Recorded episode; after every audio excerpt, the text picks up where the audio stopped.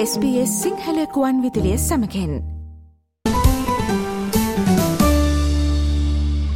ඔස්ට්‍රලයානු බොක්සින්ඩේ හෙවත් බොක්සින් දිනය සංස්කෘතිකමය හා වානිචයමය වශයෙන් වැදගත්කමක් කුසලනවා.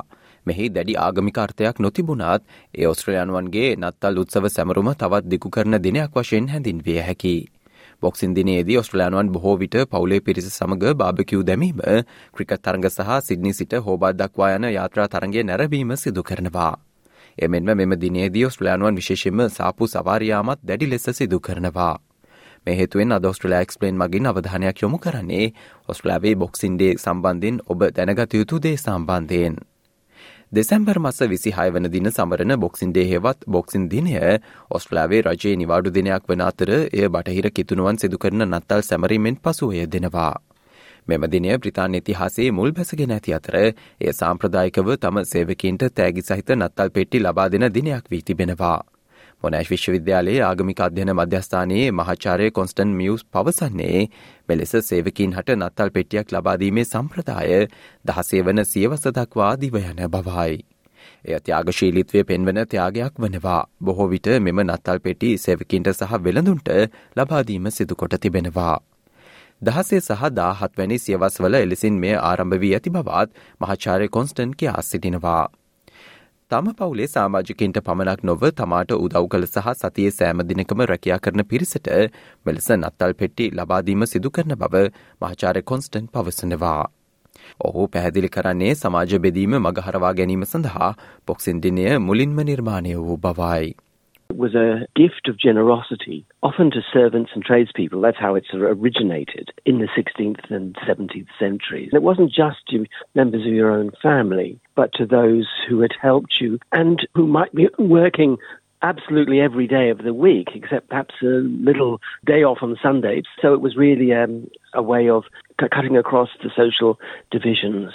That's how it started, but it obviously transforms කෙසේ නමුත් දහ නවවැනි සියවසේ අගභාගේ සහ විසිවැනි සියවසේ මුල්භාගයේදී එය විවේකය ක්‍රීඩා සහ ඔස්ට්‍රලයාාවේ සුප්‍රසිද්ධ බොක්සින්ඩේ සේල්ස් සඳහා දිනයක් බවට පත්ව තිබෙනවා. මෙම දිනේදී ඔස්ට්‍රලයාන්වන් මිලියන ගණනක් අන්න අයට හෝ තමාට තෑගි ලබා ගැනීම සඳහා සාපු සවාරි යාම සිදු කරනවා. බොක්සින් දින අලවී යනු ඉලෙක්ට්‍රොනික උපකරණවල සිට ඇඳුම් පැළඳුම් දක්වා වන විවිධ භාණ්ඩ විකිනීම සඳහා සාපු හිමියන්ට කදිම අවස්ථාවක් වෙනවා. රීටෙල් ඩොක්ටර් සමූහයේ ප්‍රධාන විදාහක නිලධහරී සහ නිර්මාතෘ බ්‍රයින් වෝක පවසන්නේ මෙම දිනේ සිදුවන වෙළඳාම් ඔස්ට්‍රලයාාවේ ප්‍රධානස්ථානයක් ගන්න අතර වෙනසැල් විශාල සංඛ්‍යාවකින් සැලකයුතු ලෙස වට්ටම් ලබා දෙන බවයි. බොක්සින් දින අලවිය සාම්ප්‍රදායිකව දෙසැම්බර් මස විසි හයවන දින සිට දින හතක පමණ කාලයක් සිදුවන ප්‍රමුඛතම වෙළඳ කාලය වෙනවා.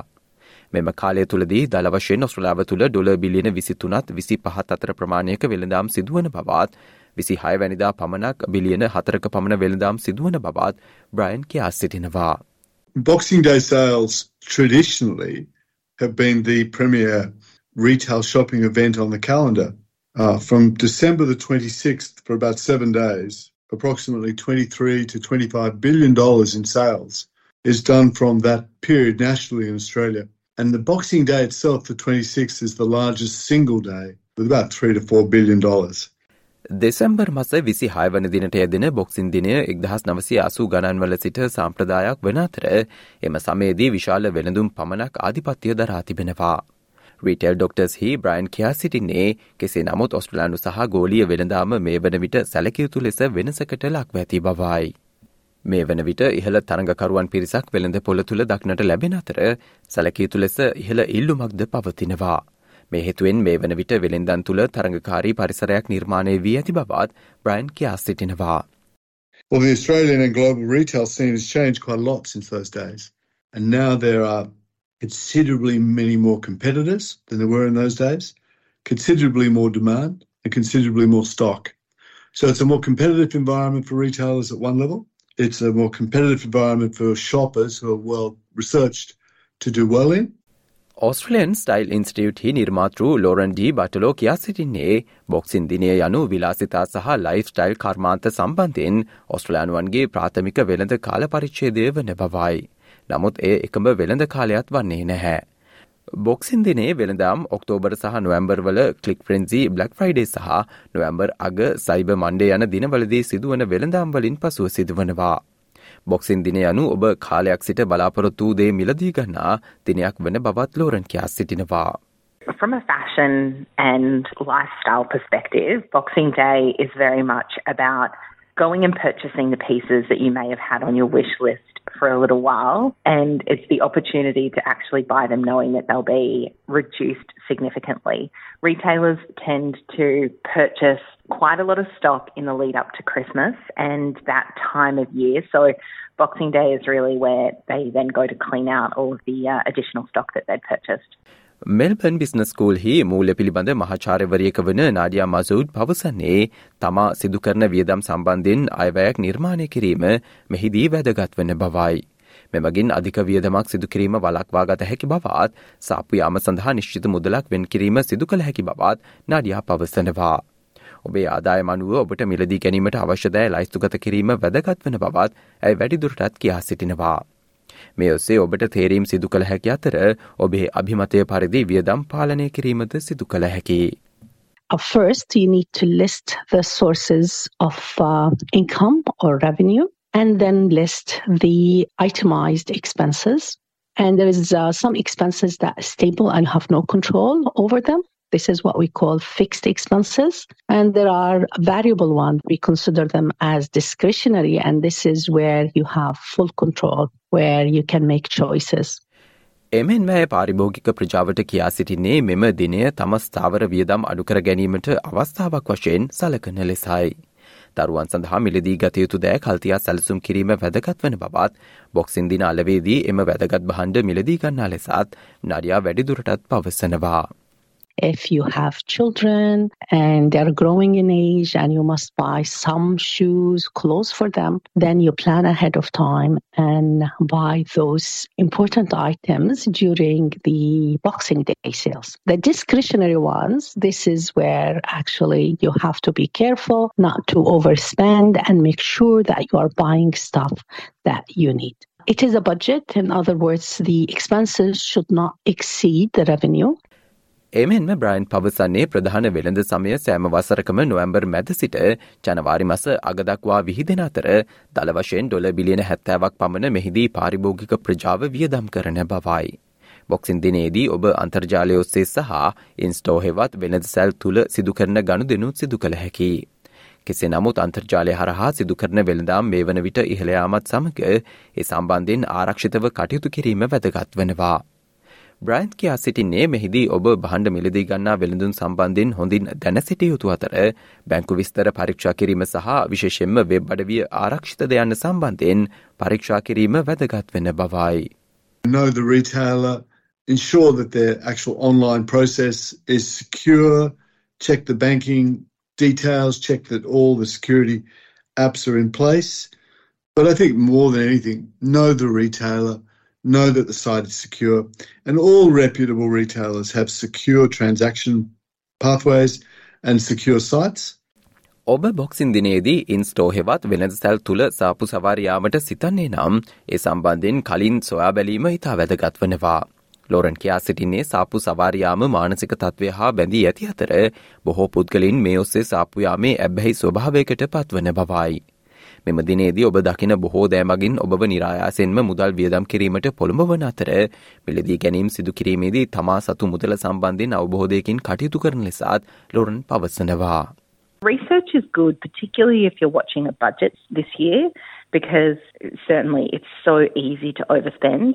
And that's really what a lot of the wording and marketing that surround these deals help to do. You know, they incentivize us spending money. එමෙන් වැය කියා සිටින්නේ මිනිස් මොලේ තමා නිතර දකින දේ සඳහා තමාව යොමු කරන රටිකිල ඇක්ටිවේටිං සිස්ටම් ලෙස පද්ධතියක් ඇති අතර ඒ ඔසේ ඔබ සතුව දැනටමත් තිබෙන දෑ මිලදී ගැනීමට ඔබව යොමු කරන බවයි. මේ හේතුවෙන් අනවශ්‍ය සාපු සවාරි වලක්වා ගැනීම සඳහා ඔබ සතුව තිබෙන දේ ගැන සොයා බැලීමත් වැදගත් වන බව ලෝරන් කියා සිටිනවා. There's a part of the brain called the reticular activating system.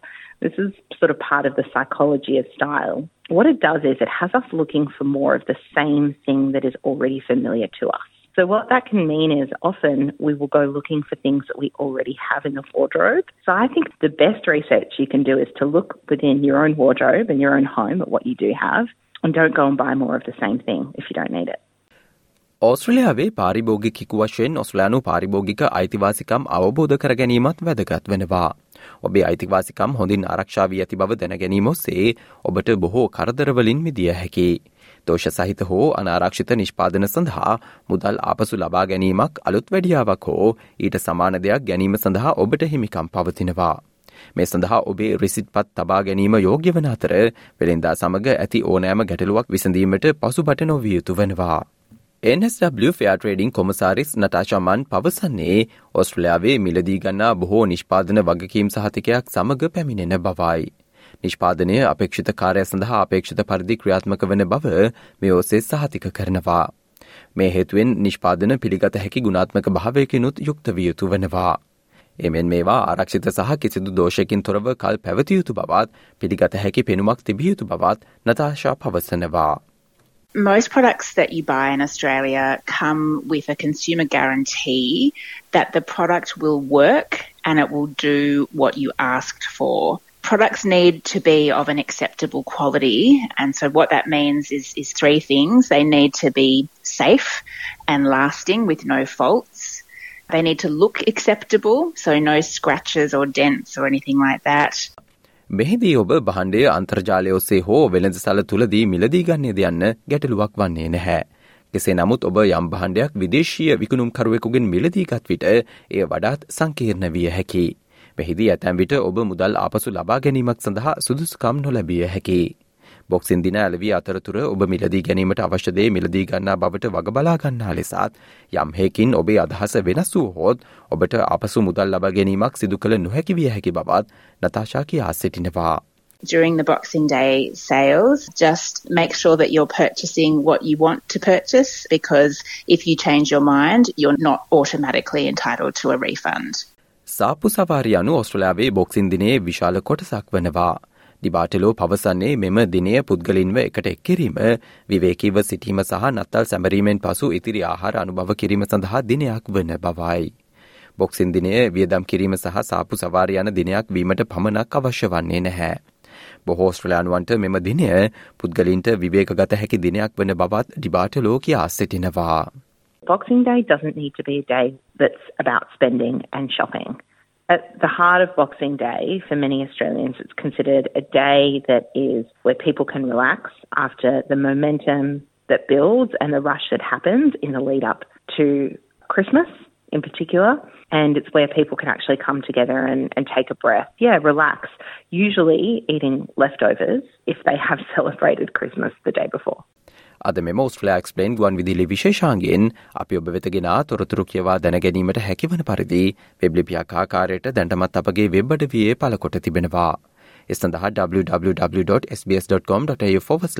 සිංහලයන අපගේ වෙබ්බට වියට පිවිස එහි ඉහලින් නැති ඔස්ට්‍රලයා එක්ස්පලේන් යන කොටසට පිවිසන්න. SBS SBS SBS SBS SBS SBS Radio ලයි කරන්න ෂයා කරන්න අදහස් ප්‍රකාශ කරන්න SBS සිංහල ෆස්බුක් පිටුව ෆලෝ කරන්න.